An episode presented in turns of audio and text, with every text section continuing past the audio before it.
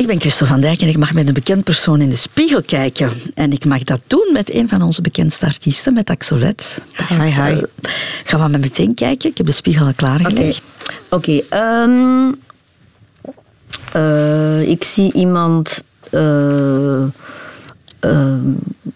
beetje, beetje, beetje moe uitziend, maar dat is normaal, want ik heb weinig geslapen. Eh, ik zie iemand gelukkig. Ik zie iemand... ehm, iemand vermoeiend. Eh, Zeg je dat over jezelf, vermoeiend? ja, ik ben vermoeiend. Ik, ik Ja? besef dat heel... Ik ben in de eerste plaats vermoeiend voor mezelf. En ik ben vermoeiend voor andere mensen. Dus ik, ik ben me daar... Allee, gewoon al bewust zijn is al veel. Dus ik heb allemaal technieken voor mez- om mezelf te kalmeren. En ik heb technieken om minder vermoeiend te zijn voor anderen. Maar bedoel je dan dat je heel aanwezig bent als je ergens bent? Ehm, ja, toch wel. Maar bijvoorbeeld, geef mij een glas wijn. Ik drink heel weinig, eh, misschien ook wel om die reden. Maar ehm, en dan, begin ik nog veel meer te babbelen. En dan, en dan, ja, dan, dan, dan, dan, dan, dan, dan, dan dom- domineer, domineer ik snel een gesprek. Dus, eh, dus dan, ofwel moet ik dan heel bewust zijn als ik dat glas wijn drink van ik mag dat niet doen, ofwel moet ik gewoon dat glas wijn niet drinken. Maar dus voilà, ik, ik ben heel, heel aanwezig. Dus ik, maar ik werk eraan. Ah ja. Wanneer Ik, ik, moet, ik moet luisteren naar de mensen. M- mijn gedachten gaan zo snel in mijn hoofd.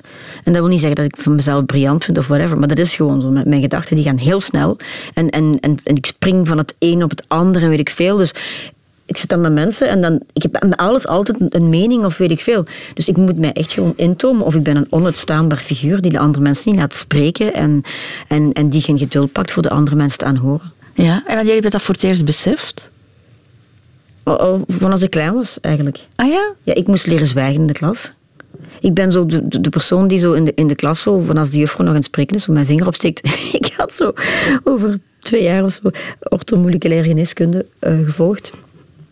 En ehm, ik ben daar moeten spijtig genoeg stoppen, omdat voilà, ik had te veel concerten en, en, en dat ging niet. Maar ehm, ja, ik, ik had dan constant vragen.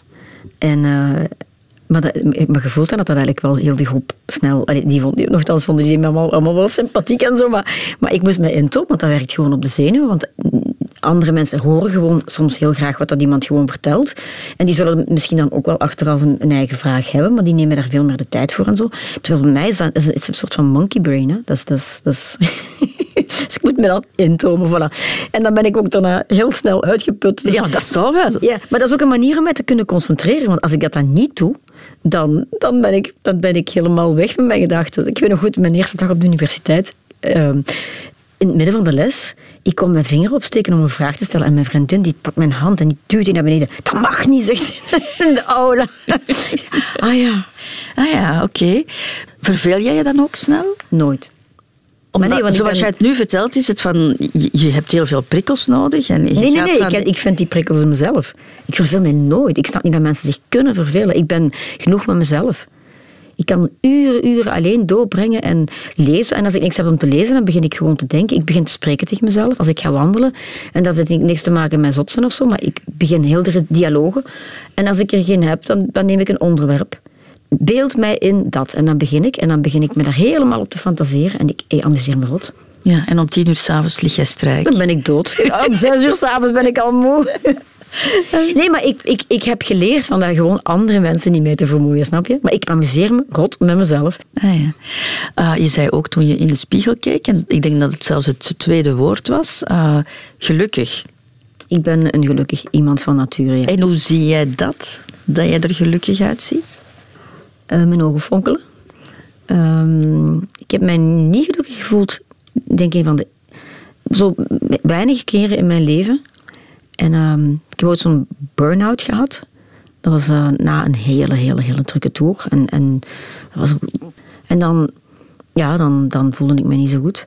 En eh, dat denk ik... maar En, dan nu tijdens de covid voelde ik mij ook niet goed. Dus ik weet heel goed wat het is om me niet goed te voelen. Maar ik voel me meestal gewoon goed. Ik kan dat snel... Ik kan dat, ja, ik heb zo van die manieren om dat te herstellen.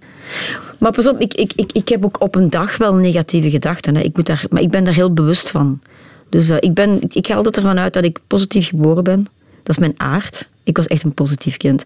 En omdat ik dat weet, ga, ga ik daar altijd naar terug. Maar bijvoorbeeld, mijn man zegt altijd van, ja, jij met je zogezegde positiviteit, je zit vandaag een donderwolk of je ziet alles negatief. En dus ik, ik, dat is ook zo, dus ik ben maar een mens. En, goh, en nu met, met te evolueren, want ik hou niet van het woord ouder worden, want ik vind dat heel relatief. We hebben denk ik heel veel verschillende leeftijden op tegelijkertijd, op elk moment van ons leven. Al evoluerend ben ik zo heel bewust, zo, ik leef heel bewust. Dat zijn allemaal van die grote clichés, maar ik ervaar dat wel. Daarom dat ik zeg, ik zie iemand gelukkig. Ik, er zijn heel veel dingen die, die er niet zijn, die er op bepaalde momenten meer waren.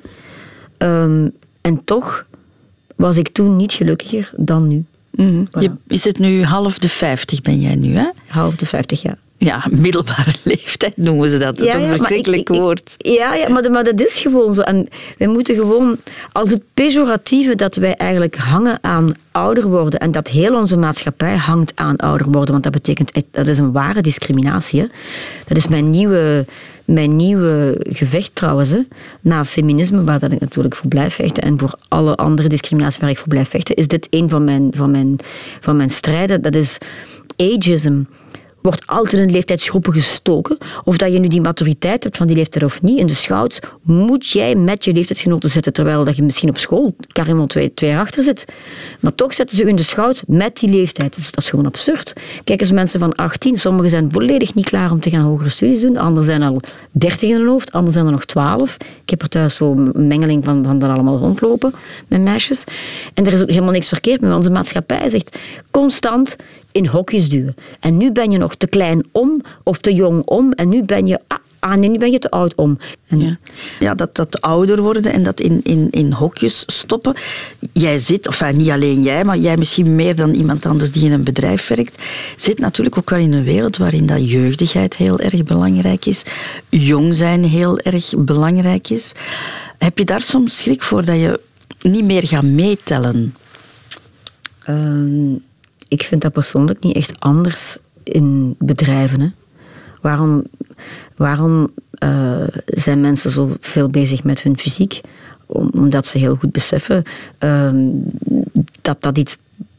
En dat is niet alleen mooi zijn, hè, maar dat is er gezond, fris, energetisch uitzien.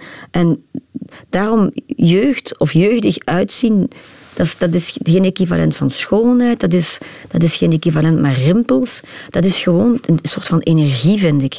Maar ik vind dat niet verschillend in mijn sector als in andere. Het feit, eerder zou ik zeggen van niet meer nieuw te zijn. Ik zal nooit meer nieuw worden. En wij, wonen, leven in een consumptiemaatschappij. Dus de mensen zullen... Ik kan nooit meer zo de, het voordeel hebben, net zoals mijn vrienden die, die modeontwerpers zijn.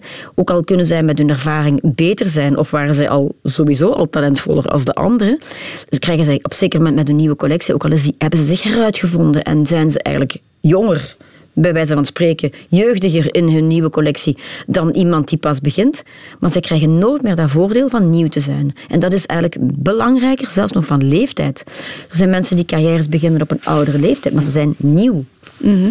En, en het is gewoon zo, zo tegenstrijdig, want kijk, we leven langer en langer. En we moeten ons heruitvinden verschillende keren. En ik zie zoveel mensen die dat ook waanzinnig doen. Mijn, mijn schoonmoeder is een schoon voorbeeld. Die, die is nog gaan studeren enkele jaar geleden. Die spreekt nu, die heeft, op, die heeft recentelijk Duits geleerd, Frans geleerd. Die is gaan uh, leren voor gids. En die gids, dat is nu de, een van de meest gevraagde gidsen van heel Antwerpen. Die gids voor kathedralen, voor modemusea. En waarom heeft hij zoveel werk? Ook omdat hij... Eh, ja, die kan dat in Duits en in het Frans. En dat zijn er weinig. Dus, maar dat wordt van ons wel gevraagd in deze maatschappij. Wij kunnen niet zeggen, zoals in het zuiden nog altijd, of zoals in, in, in een minder individualistische maatschappij, van ik ga, ik, ik ga hier waardig oud worden en gewoon met, mijn familie en ze zullen maar naar mij luisteren, naar mijn wijze woorden. Ze luisteren helemaal niet meer naar u. En dat is niet anders in mijn sector. Weet je, als ik op scène ben of mensen zien, horen een interview van mij, of ik was in Canada nu vorige week, voor, uh, of twee weken geleden, voor uh, The Voice.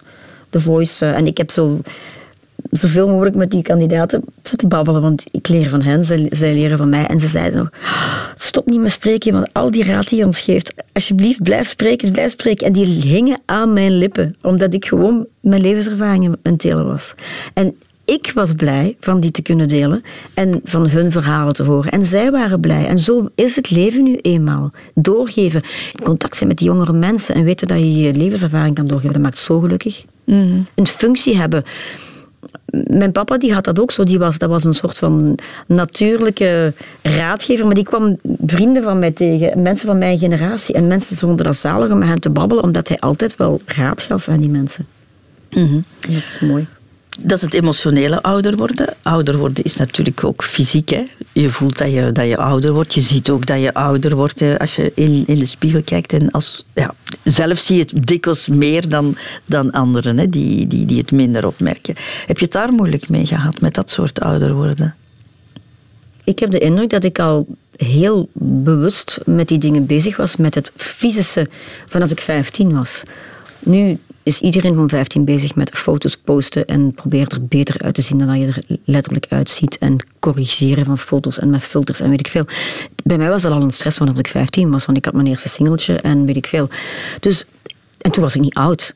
Dus dat is, maar toen ging het over acne of er moe uitzien of een te scherp gezicht of weet ik veel.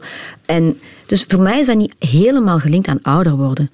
Ehm, ik kon er getrokken uitzien op mijn twintig al, als ik niet genoeg sliep. Of ik kon, mijn ogen waren dan gezwollen.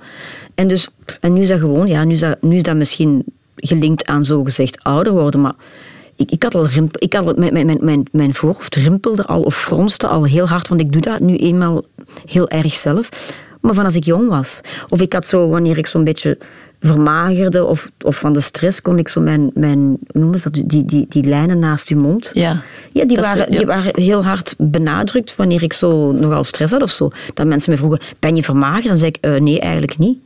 En dus, ik vind dat niet echt heel, heel verschillend. En omdat ik vandaag positiever en bewuster leef, zou ik bijna zeggen dat ik er vandaag minder van afzie. Ah, ja. Dan van die veranderingen van zogezegd leeftijd dan toen ik jonger was. Was je toen zo streng voor jezelf ook? Of zo kritisch? Maar, maar, nee, maar je wil wel een aangename foto. Je wil er positief uitzien op een foto. Je wil... Je wil ja, misschien was ik toch wel wat, wat kritisch.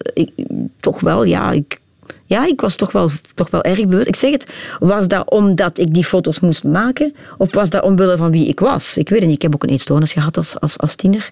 Dus um, dat, dat komt ook ergens van. Uh, dat is, dat is zo'n heel, heel complex verhaal. Ik heb er wel allemaal vrij goed geanalyseerd en verwerkt en hersteld. En ook openlijk over gepraat, hè? Ja, omdat ja? ik wou dat mensen beseften dat ze niet alleen waren met deze problemen. En kijk eens vandaag hoeveel percentage meer meisjes hebben geen eetstoornis. Of het nu anorexia is, dat ze niet meer willen eten, of dat ze het niet kunnen controleren, te veel eten en zich te dik voelen en een verkeerd beeld hebben en die angsten die daarbij gaan. En, hoe meer crisis, hoe meer angsten. En, en, en, ja, en het feit dat we allemaal likes willen hebben vandaag en we zien allemaal perfectie, zogezegd, uh, op, op onze telefoon, terwijl dat is absurd gewoon. Want kijk eens, kijk eens rond u in de straat, niemand is perfect. En, en, en, iedereen moet wel echt niet zo dun zijn. En vragen ze aan iemand dun, is die daarom gelukkiger? Die voelt zichzelf misschien nog altijd te dik. Of te dun. Dus dat is allemaal zo absurd. En daarom dat ik zeg, ik ben daar vandaag... Ja, ik zie er minder vanaf van vandaag. Terwijl ik eigenlijk... Dat is wat ik tegen mijn dochters altijd zeg. Ik zeg, troost u met al wat je verkeerd ziet, want het wordt eigenlijk alleen maar erger. Maar het is alleen maar perceptie. Ik vind mij vandaag mooier. Ik, allez, ik vind mij vandaag mooier dan dat ik mij vond dat ik, dat ik ja? mijzelf mooi vond toen ik twintig was. Ah ja. Waar was je toen niet tevreden over? Ja, over, over je gewicht? Alles. Stomme dingen. Dat is gewoon angsten, noem ik dat. Hè. Uh, en op zeker moment, body dysmorphic disorder. Dus dat wil zeggen dat, dat je, en, en tieners hebben dat, hebben dat heel vaak, dat ze, je kijkt in de spiegel en je focust op iets wat er eigenlijk zelfs niet is. Kijk, kijk eens iemand die zegt tegen jou, je zegt van, amai, je zei, je zei schoon, weet ik veel. Nee, ik ben veel te dik. Dan denk je eigen, dik? of, of je zegt van, amai, je ziet er goed uit. Wat? Ik goed uit? En dan denk ik van, maar nee, kom aan nu. Maar die zien dat dan echt ook zo. Dus jij haalde jezelf ook altijd neer? Ja, en mijn mama bijvoorbeeld, ik vind dat zo prachtig aan haar. Mijn mama is nu, uh, ik, ik mag haar leeftijd niet zeggen, maar ze ziet er in elk geval 15 jaar jonger uit. En die heeft een prachtig gezicht, maar dat is it's beyond, dat is, dat, is, dat is boven die rimpels. Die heeft zo'n guitige blikken naar gezicht en die, heeft zo, die is positief en die is blij met zichzelf. En, en dat maakt haar gewoon eens zo mooi. Daar zit iets schuitig in, daar zit iets... En dan zegt ze ook van, als ik klaagde of zo, van, zegt ze maar, allez, stop eens met klagen. Wat moet ik dan zeggen? Moet ik dan ineens gaan neerleggen en sterven of wat? Omdat ik zoveel jaar ouder ben. Dat is toch absurd gewoon. Moet het leven eindigen? Dan? En dat zijn allemaal, dat is allemaal heel hard perceptie, overtuiging. En voilà. Dus ik vind bij vandaag, ik vind mij mooi. Voilà. Het is wel fijn dat je dat zo kan zeggen. Ja. Wanneer is die klik gekomen? Kan je daar... Gisteren? nee, nee. Um, ja, stilaan. Als je in de spiegel kijkt, hè, zo is heel, gewoon heel afstandelijk naar, naar jezelf kijkt. Hè. Stel dat je jezelf niet mocht kennen. Wat denk je dan dat je uitstraalt? Dat hangt er eigenlijk echt vanaf in welke toestand dat ik zelf ben. Ik ben me heel bewust dat wanneer ik angstig ben, dat de mensen dat onmiddellijk voelen. Als ik bijvoorbeeld op een podium kom, ehm, dan ben ik heel rustig. Want allee, ik, ik ben dan daarvoor alleen in mijn loge. Ik neem daar echt wel tijd voor. En uh, ik ben dan ook zo blij om te kunnen op dat podium staan. En ik weet dat ik dat onmiddellijk uitstraal. En dus de mensen hebben onmiddellijk een waanzinnig goed gevoel. Omdat ik dat ook heb. Maar als ik de enkele keren dat er bijvoorbeeld een bepaalde stress is, omdat, ik, omdat er iets is dat ik niet echt totaal onder controle heb, zoals een eenmalig concert en je moet een nieuw nummer brengen of ik moet het spelen op de gitaar of op de piano of zo. Ehm, en ik heb het al lang niet meer gespeeld op de piano of zo. Wel, al die kleine dingen, dat springt onmiddellijk over op, op het publiek. Ik, ik vind dat een heel mooi voorbeeld van, van, van, van dan zeggen ze de, de zonde. Zo, je voelt elkaar echt aan. Dat is zo sterk op een podium. En ik heb dat met mijn kinderen ook, ook heel erg. Daarom dat ik s'morgens heel bewust heel graag opsta, mijn gedachtenorden, omdat ik wil al mijn angsten en mijn onzekerheid of mijn gebrek aan vertrouwen in een van mijn drie kinderen, ik wil dat kunnen overdenken, dat wegwerken en terug vertrouwen krijgen, want dan kan ik dat overbrengen op mijn kinderen, want die, die voelen alles van mij. Ja. Die zijn ook overgevoelig. Dus, uh, en als ik niet vertrouwen heb in hen, is, is, maakt het dat des te moeilijker voor hen. Het leven is zo, zo moeilijk. Maar ik had dat heel hard. Ik, maakte kinderen. In, eh, mijn eerste kind, dat was in, onze, in de Dutroux-periode. En, oh la ja, hoe moet je er nog vertrouwen hebben in die maatschappij? Mm Maar hoe denk je dat je overkomt bij mensen?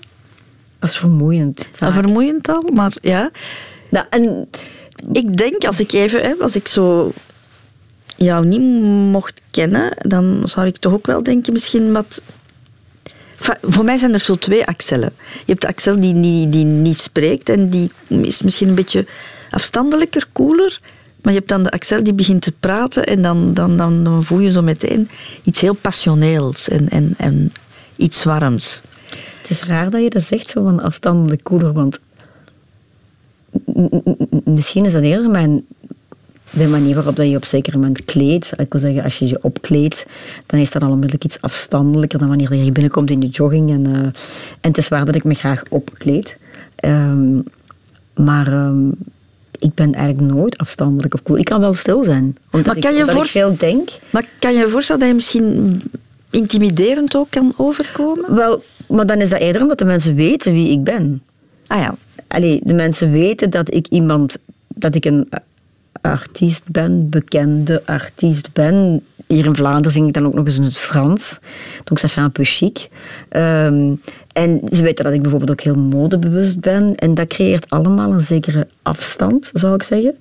Maar um, ik ben zo spontaan. Dus ik, dat is ook dus zo. Ik, dus ja. het, is raar dat, dat de mensen... Dat, dat, dat, moeten de mensen wel heel onmiddellijk voelen. Maar ik, maar ik besef wel dat er factoren zijn die, die een afstand creëren. Maar kan ik zeggen dat je eigenlijk al van, van in je tienerjaar, of misschien zelfs vroeger, hè, lagere school, je al een beetje onderscheiden van, van andere kinderen door hoe dat je je kleedde en hoe dat je er, eruit zag? Het was altijd een soort van mengelmoes, want ik had al mijn singeltje op mijn vijftien, maar... Uh, en ik, ik kleedde mij graag, zoals ze dat noemen, extravagant. Mensen zeiden altijd, ik snap u niet, zegt ze, je doet altijd de dingen aan wanneer dat niemand het begrijpt. Ik wacht tot dat het mode wordt. En dan, dan is het tenminste minder vermoeiend. Maar ik niet, ik wilde graag ja, iets anders. Ik wilde graag, als, als er een trend, als ik al een trend rook of voelde of weet ik veel, dan wilde ik, als ik niet de eerste was, dan moest het voor mij niet meer.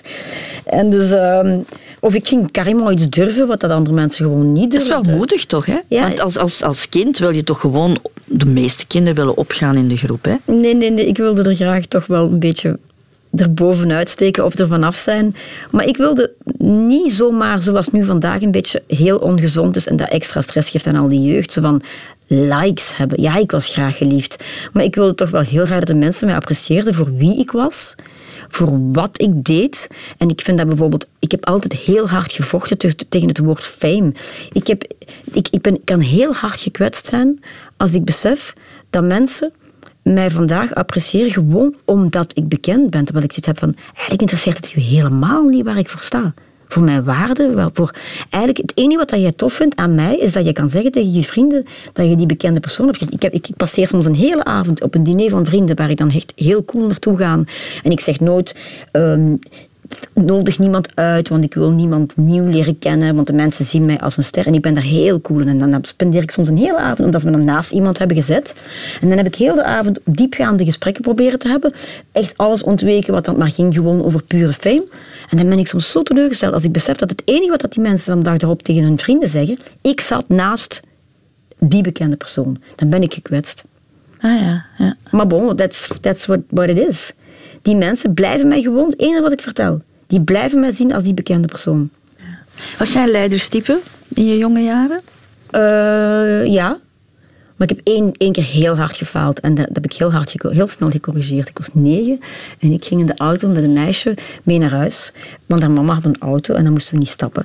En we gingen met vier meisjes in, die, in dat klein autootje. En ineens zei die mama... Jij bent Fabienne. Uh, dat is mijn echte naam dus. Je hebt mijn dochter uitgestoten op de speelplaats. En ik werd, ik werd bleek en ik werd, ik werd echt ik werd niet goed. Want ik besefte dat dat waar was. Ik had, we waren met drie vriendinnen, we waren net vier. En we konden al die spelletjes met vier doen. En een meisje wou erbij. En ik zei, ja, ja nu we zijn al met, met vier. En dat meisje... Ja, en dat meisje die had...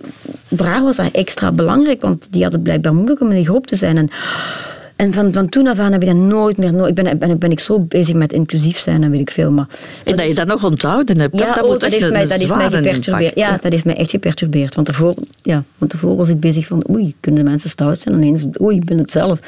Dus... Um, maar dus ja, een goede leider zijn, dat is, dat is iets wat mij al heel, heel hard intrigeert. Ik heb er heel veel over geschreven, heel veel over gedacht. Over die legitieme, natuurlijke leider te zijn. Maar ik heb dan ook wel aan de andere kant beseft, ik ben... Uh, ik ben dan toch niet... Als, als het zo zou zijn, dat we moesten een leider zijn, dan zou ik toch eerder zo de, de troubadour zijn die de mensen inspireert met mijn gedachten dan zo de leider, want ik ben helemaal niet gestructureerd. En ik denk niet dat ik de mensen zou dat ze zouden overleven met mij. misschien eerder, zeg eerder met mijn, met, mijn, mijn gedachten en met mijn, voilà. En met misschien kruiden, misschien, want ik denk altijd misschien dat ik wel, omdat ik ben toch heel hard in kruiden interesseer, misschien was ik wel een heks geweest in een ander tijdperk of zo. Maar dus die, laat die andere leider, die goede leider wel, dat zal iemand zijn die toch wel meer gestructureerd is. We hebben het al over gehad dat je tevreden bent hè, met wat je ziet eh, in de spiegel, dat daar uh, een, een een, een harmonie, een, een, stabiliteit in, in gevonden is, in, in wat je ziet en wat dat je voelt. Um, stel dat je iets mocht veranderen, toch? Wat zou dat dan zijn aan je uiterlijk? Iets mocht veranderen. Dan zou ik eerder zeggen van. Uh, maar weet je, voor mij is dat, omdat ik daar ook zoveel over lees en zo, voor mij is dat uiterlijk zo hard gebonden aan je hele gezondheid en aan, en aan je mentale gezondheid. Dus als ik iets wil veranderen, dan is dat gewoon, mag ik vragen dat ik, dat ik eigenlijk zo, zo lang mogelijk en zo snel mogelijk de trucken ken om, om gezond te blijven, om mezelf te kunnen kalmeren, positief houden. Um, want ik zeg het, als ik kalm ben, positief ben, dat mijn vuur, mijn vuur gebrand blijft, ja, dan is je huid beter, dan, dan, dan fonkelen je ogen meer, heb je minder rimpels, want je hebt minder zorgen, fronst je hoofd minder, uh, dan denk je iets trager, dus dan, dan ben ik minder zo'n soort van, dat ik mezelf aan het opbranden ben. Dus dat hangt gewoon allemaal zo hard samen. Want wat is dan je meest kwetsbare deel van je lichaam als je stress hebt, als je je niet goed voelt? Waar, waar slaat dat op? Overal, zou ik zeggen. Zo. Allee, bijvoorbeeld, ja, ik verteer dan bijvoorbeeld ook minder goed. Dus dan moet ik echt wel, ofwel moet ik dan heel hard aanpassen wat ik eet. Ofwel ik moet altijd zien dat ik heel kalm ben als ik eet. Want slecht verteerd voedsel, ja, dan, dan, begint dat, dan krijg ik overal pijn. Of als ik dus ja. Ja, dan begin, maar dan begin ik gewoon overal pijn te krijgen. Dan krijg ik zelfs pijn aan mijn vingers en zo. Dus uh, ja, ik, dat, dat, dat is zo. Maar ik heb dat al heel snel gevoeld. Hè. Daarom dat ik altijd zeg, voor mij is er geen leeftijd.